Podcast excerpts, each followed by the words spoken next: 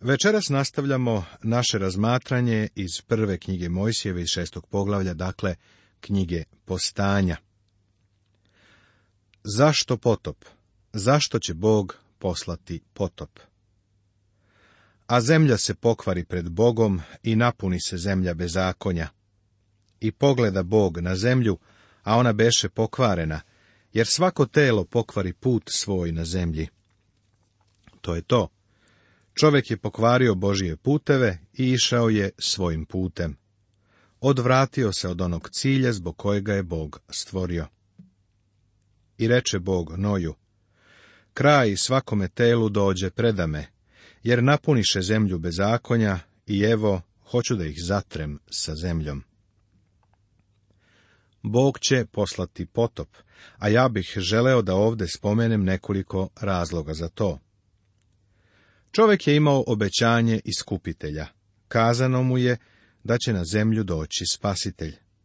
To je ono što je čovjek trebalo da očekuje, ali umjesto toga čovjek se okrenuo od Boga. Bog je Adamu i Evi obezbedio žrtvu i uviđamo da je divni, večni princip postavljen sa Kainom i Aveljom. Ova dva mladića, Kain i Avelj, predstavnici su dva velika sistema – dve klase ljudi, izgubljenih i spasenih, samopravednih i duhom slomljenih, formalnih vernika i pravih vernika. Upravo to je i danas prisutno u ljudskoj rasi. Zatim otkrivamo da su patrijarsi živeli tako dugo da je život Adama i Matusala premostio ceo jaz između stvaranja i potopa. Oni su mogli dati otkrovenje celom čovečanstvu, a to su i učinili. U poslanici Judinoj svetoga pisma Novog Zaveta piše da je Enoh propovedao i prorokovao u to vreme. Također nam se saopštava da je Noe propovedao u vreme dok je gradio barku. Kada je Enoh nestao, to je trebalo ljude da upozori na činjenicu da Bog interveniše u onome što se odnosi na čoveka. Također su znali za ovog čoveka Matusala i znali su šta znači njegovo ime. Kada on umre, doći će potop. Konačno, tu je bilo i delovanje duha svetoga. Bog je rekao da se njegov duh neće doveka preti sa ljudima. Duh Božiji se trudio oko čoveka, upinjao se oko njega, ali kada je čovek u potpunosti odbacio Boga, sud je u vidu potopa došao na zemlju. Cela ljudska porodica se odvratila od Boga. Nema pravednoga, baš ni jednoga, kaže u poslanici Rimljanima Svetoga pisma Novog Zaveta. Bio je samo mali broj onih koji su verovali u njega, Noje i njegova porodica. To je jedan čovek koji je hodao sa Bogom i verovao u Boga.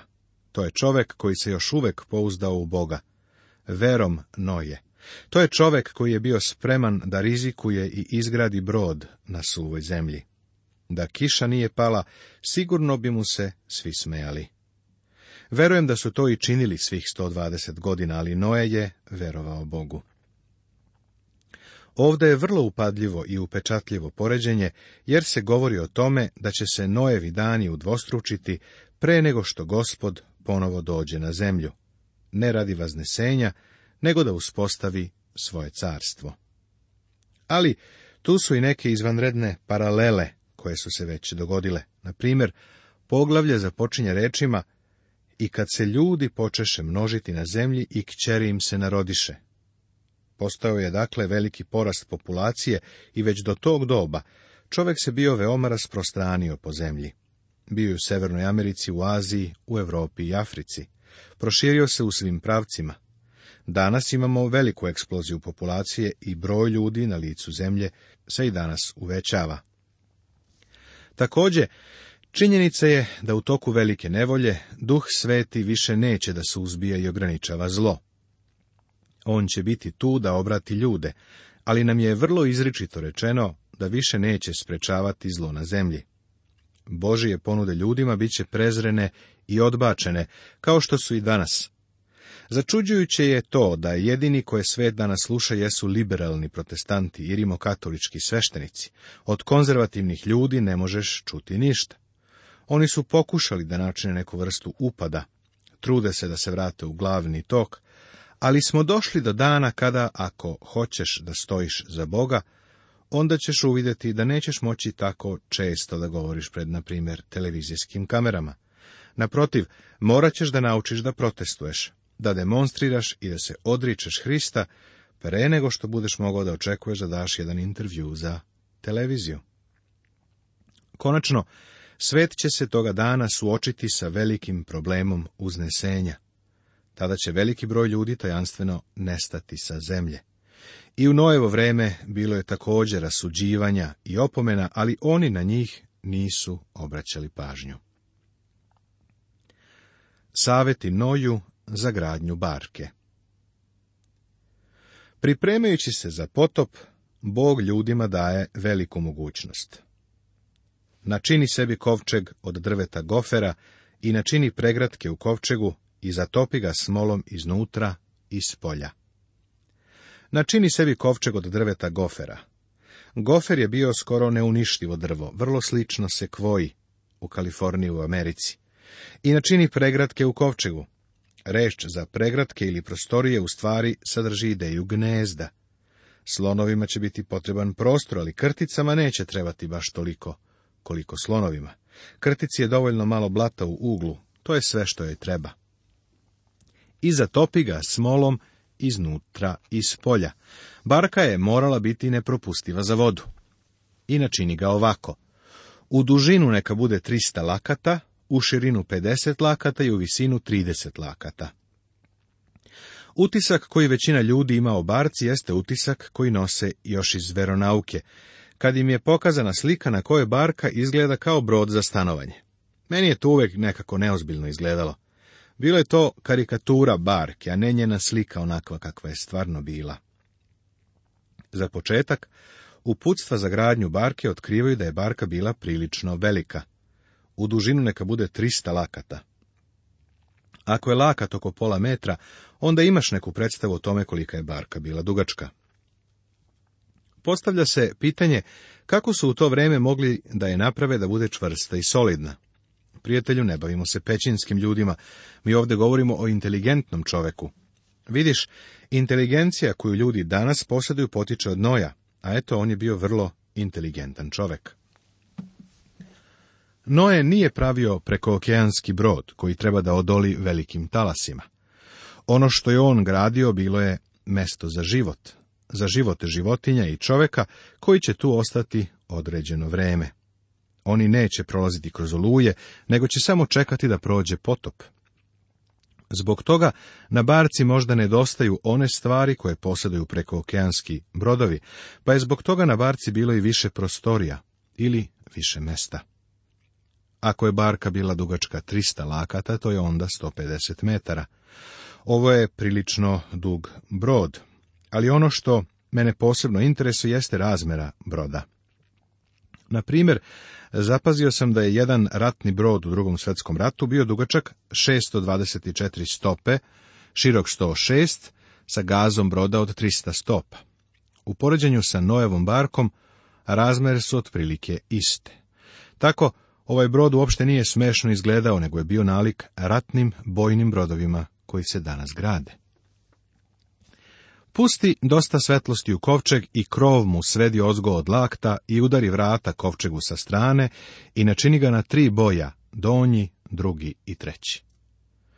Pusti dosta svetlosti u kovčeg ili, prema drugim prevodima, načini prozor na barci. Prozor nije bio mali otvor na barci. Da li si ikada zastao i razmislio o smradu koji se sigurno širio zbog svih tih životinja koje su tu bile sve vreme? Prozor je bio visok jedan lakat i protezao se celom dužinom oko krova barke. Krov je sigurno bio znatno iznad prozora. Na ovaj način se danas provetravaju gimnastičke dvorane. Također sam primetio da na jednom državnom sajmu u državi Teksas u Americi, zgrade u kojima su smeštene životinje imaju prostor koji se proteže skroz oko celog krova. Sa svim tim životinjama koje su tamo bile, to ipak nije bilo neprijatno mesto. Ljudi su tu sedeli, jeli i spavali. Bilo je udobno, a nije neprijatno mirisalo. Čuo sam da je neko rekao kako je siroti Noe morao da proturi glavu kroz maleni prozor da bi preživeo. Ovo je tako smešno, ovo je samo ljudska izmišljotina i uopšte ne odražava ono što govori pismo. I udari vrata kovčegu sa strane. Barka je imala samo jedna vrata, to je važno. Hristos je rekao, ja sam vrata i ja sam vrata ovcama, a on je i vrata za barku. I načini ga na tri boja, donji, drugi i treći. Vidiš, Barka je imala tri palube, a zatim, ja smatram, jednu na vrhu ili na dnu, što bi sve skupa bilo četiri palube. Da li su za svaku palubu postala vrata? Ja premislim da su bila samo jedna vrata, a ne po jedna za svaki sprat, ali iskreno govoreći pa to i nije bitno. Putnici u barci Jer evo, pustit ću potop na zemlju da istrebim svako telo u kojem ima živa duša pod nebom, što je god na zemlji, sve će izginuti. Bog šalje sud na zemlju, na životinje, ptice i na čoveka. Ali ću s tobom učiniti zavet svoj, i ući ćeš u kovčeg ti i sinovi tvoji, i žena tvoje i žene sinova tvojih sa tobom. I od sveg živa, od svakoga tela, uzet ćeš u kovčeg po dvoje, da sačuvaš u životu sa sobom, a muško i žensko neka bude. Od ptica, po vrstama njihovim, od stoke po vrstama njezinim i od svega što se miče na zemlji po vrstama njegovim, od svega po dvoje neka uđe s tobom da ih sačuvaš u životu. Uzećeš u kovčeg po dvoje da sačuvaš u životu. No je nije bio neki Frank Buck biolo koji je išao da ih dovede žive. On nije bio veliki lovac, on nije morao da juri za tim životinjama, one su dolazile k njemu. Životinje koje su u opasnosti rade to. Sećam se kada smo prvi put otišli u Josemitsku dolinu. Naša čerka je bila vrlo mala. Nikada pre nije videla sneg, pa kada smo je stavili na sneg počela je da plače i cvili, ali prestala je kada se osvrnula i videla malu srnu.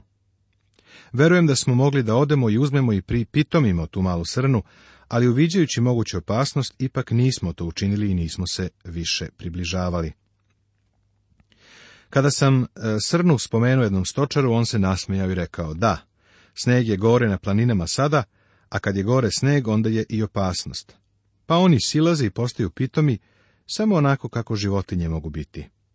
Ali onog trenutka kada u proleće sneg otopi, životinje napuštaju ovaj kraj i ni jedno od njih više ne možeš da vidiš. Zašto?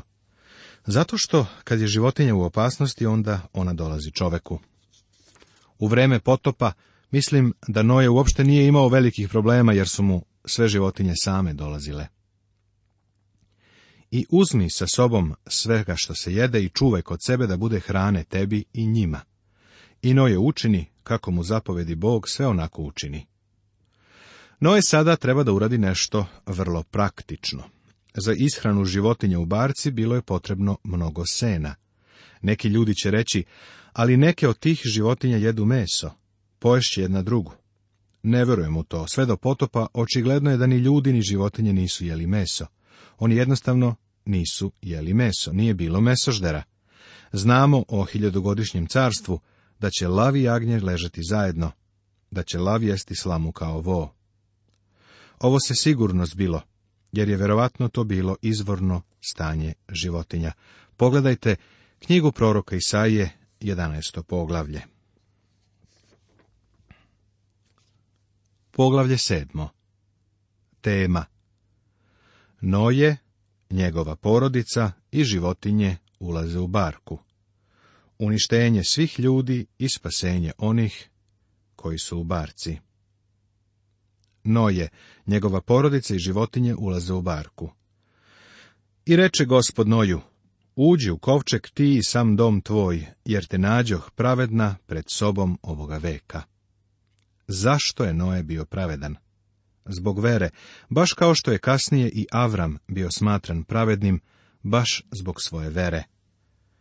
I poverova Avram Bogu i on mu primi to u pravdu, kaže se u 15. poglavlju knjige postanja, prve knjige Mojsijeve svetoga pisma Starog Zaveta. Noje je verovao Bogu i tomu je uračunato u pravdu. Verom Noje načini kovčeg, napisao je pisac poslanice jevrejima u Novom Zavetu. Zato ga je Bog spasao. Da li si ikada primetio koliko je Bog milostiv čoveku u celom ovom vremenu osude? Ovdje u prvom stihu kaže uđi. Ovo je isti poziv koji gospod Isus danas upućuje svim ljudima. Dođite k meni, svi koji ste umorni i opterećeni i ja ću vas odmoriti. Zatim u 16. stihu ovog poglavlja čitamo pa gospod zatvori vrata za njim.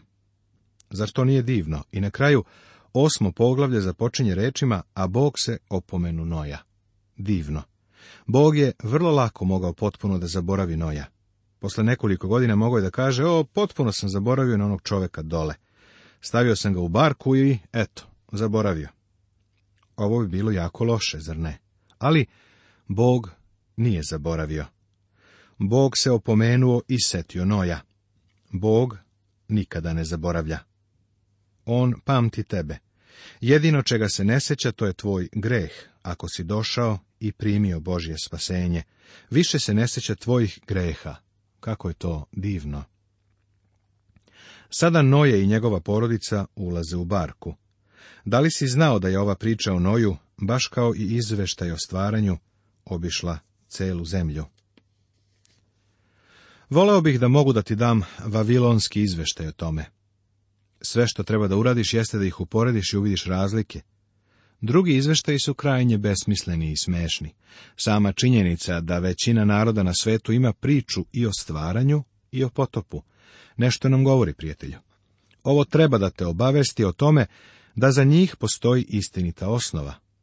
Svi ovi narodi ne bi došli do takvog izveštaja da su izmišljali svoje priče a ako ti želiš da znaš koja je od njih tačna, jednostavno ih uporedi. Vavilonski izveštaj, na primjer, apsolutno je smešna priča o nekakvom ratu koji se vodio među bogovima. Bogovi su međusobno ratovali i to je onda dovelo do potopa. Nasuprot ovome, Biblija nam govori da je potop bio Božji sud nad čovekom radi čovekovih greha. Ovo, uzred budi rečeno, ima i smisla. I uzmi sa sobom od svih životinja čistih po sedmoro, sve mužjaka i ženku njegovu, a od životinja nečistih po dvoje, mužjaka i ženku njegovu. Također i od ptica nebeskih po sedam, mužjaka i ženku njegovu, da im se sačuva seme na zemlji. Ovo je pre više godina bila osnova jednog sudskog procesa protiv doktora Rimera, koji je ponudio hiljadu dolara onome ko uspe da u Bibliji pokaže protivrečnosti. Više liberalnih teologa je na sudu svedočilo da je ovo kontradiktornost. Zašto prvo kaže po dvoje, a zatim po sedmoro od svake vrste? Naravno, doktor Rimer je dobio proces. Sve što treba da uradiš jeste da okreneš stranu i vidiš da je Noje, kada je izlazio iz barke, čiste životinje prinosio na žrtvu. Kako bi imao čiste životinje da nije uzeo više od po dve? Jedine od čistih životinja uzeo po sedam, a sad znamo i zašto. Nečiste životinje su ulazile po dve, muško i žensko. Takođe i od ptica nebeskih po sedam, mužjaka i ženku njegovu, ovo je za čiste životinje. Jer ću do sedam dana pustiti dažd na zemlju za četrdeset dana i četrdeset noći i istrebit ću sa zemlje svako telo živo koje sam stvorio. Sedam dana svet je mogao da kuca na vrata barke i iskreno govoreći mogli su i ući. Bog bi ih spasao. Sve što je trebalo da učine jeste da poveruju Bogu. I beše Noju šest stotina godina kad dođe potop na zemlju. I uđe Noje u kovčeg, i sinovi njegovi i žena njegova i žene sinova njegovih s njim radi potopa. Od životinja čistih i od životinja nečistih, i od ptica, i od svega što se miče po zemlji. Uđe knoju u kovčeg po dvoje, muško i žensko, kao što beše Bog zapovedio Noju. Nigde u Svetom pismu ne piše da je Noje izlazio napolje i dovodio životinje u barku. To nije bilo neophodno. One su dolazile k njemu. Uništenje svih ljudi i spasenje onih koji su u barci. Kada je bilo Noju šest stotina godina, te godine drugog meseca, sedamnesti dan tog meseca, taj dan razvališe se svi izvori velikoga bezdana i otvoriše se ustave nebeske. I udari daž na zemlju za četrdeset dana i četrdeset noći. I bi potop na zemlji za četrdeset dana, i voda dođe i uze kovčeg i podiže ga od zemlje. Koji je istorijski naučni dokaz potopa? Ja nemam nameru da ulazim u ovaj predmet, ali ću samo da spomenem jednu od najboljih knjiga o ovoj problematici. To je knjiga Potop iz postanja autora Henrya Morisa i Johna Witkomba iz 1960. godine. Oba ova čoveka su veoma kvalifikovana da pišu o ovoj problematici. John Whitcomb je doktor teologije i profesor Starog zaveta na Graceu teološkom fakultetu, a Henry Morris je doktor filozofije na Univerzitetu Minnesota, profesor hidrauličke inženjerije i predsjednik odeljenja za niskogradnju na Politehničkom institutu. Ova dvojica autora su se udružila i zajedno su napisali knjigu o potopu ispostanja. No, o tome ćemo nešto više u našoj narednoj emisiji. Prijatno!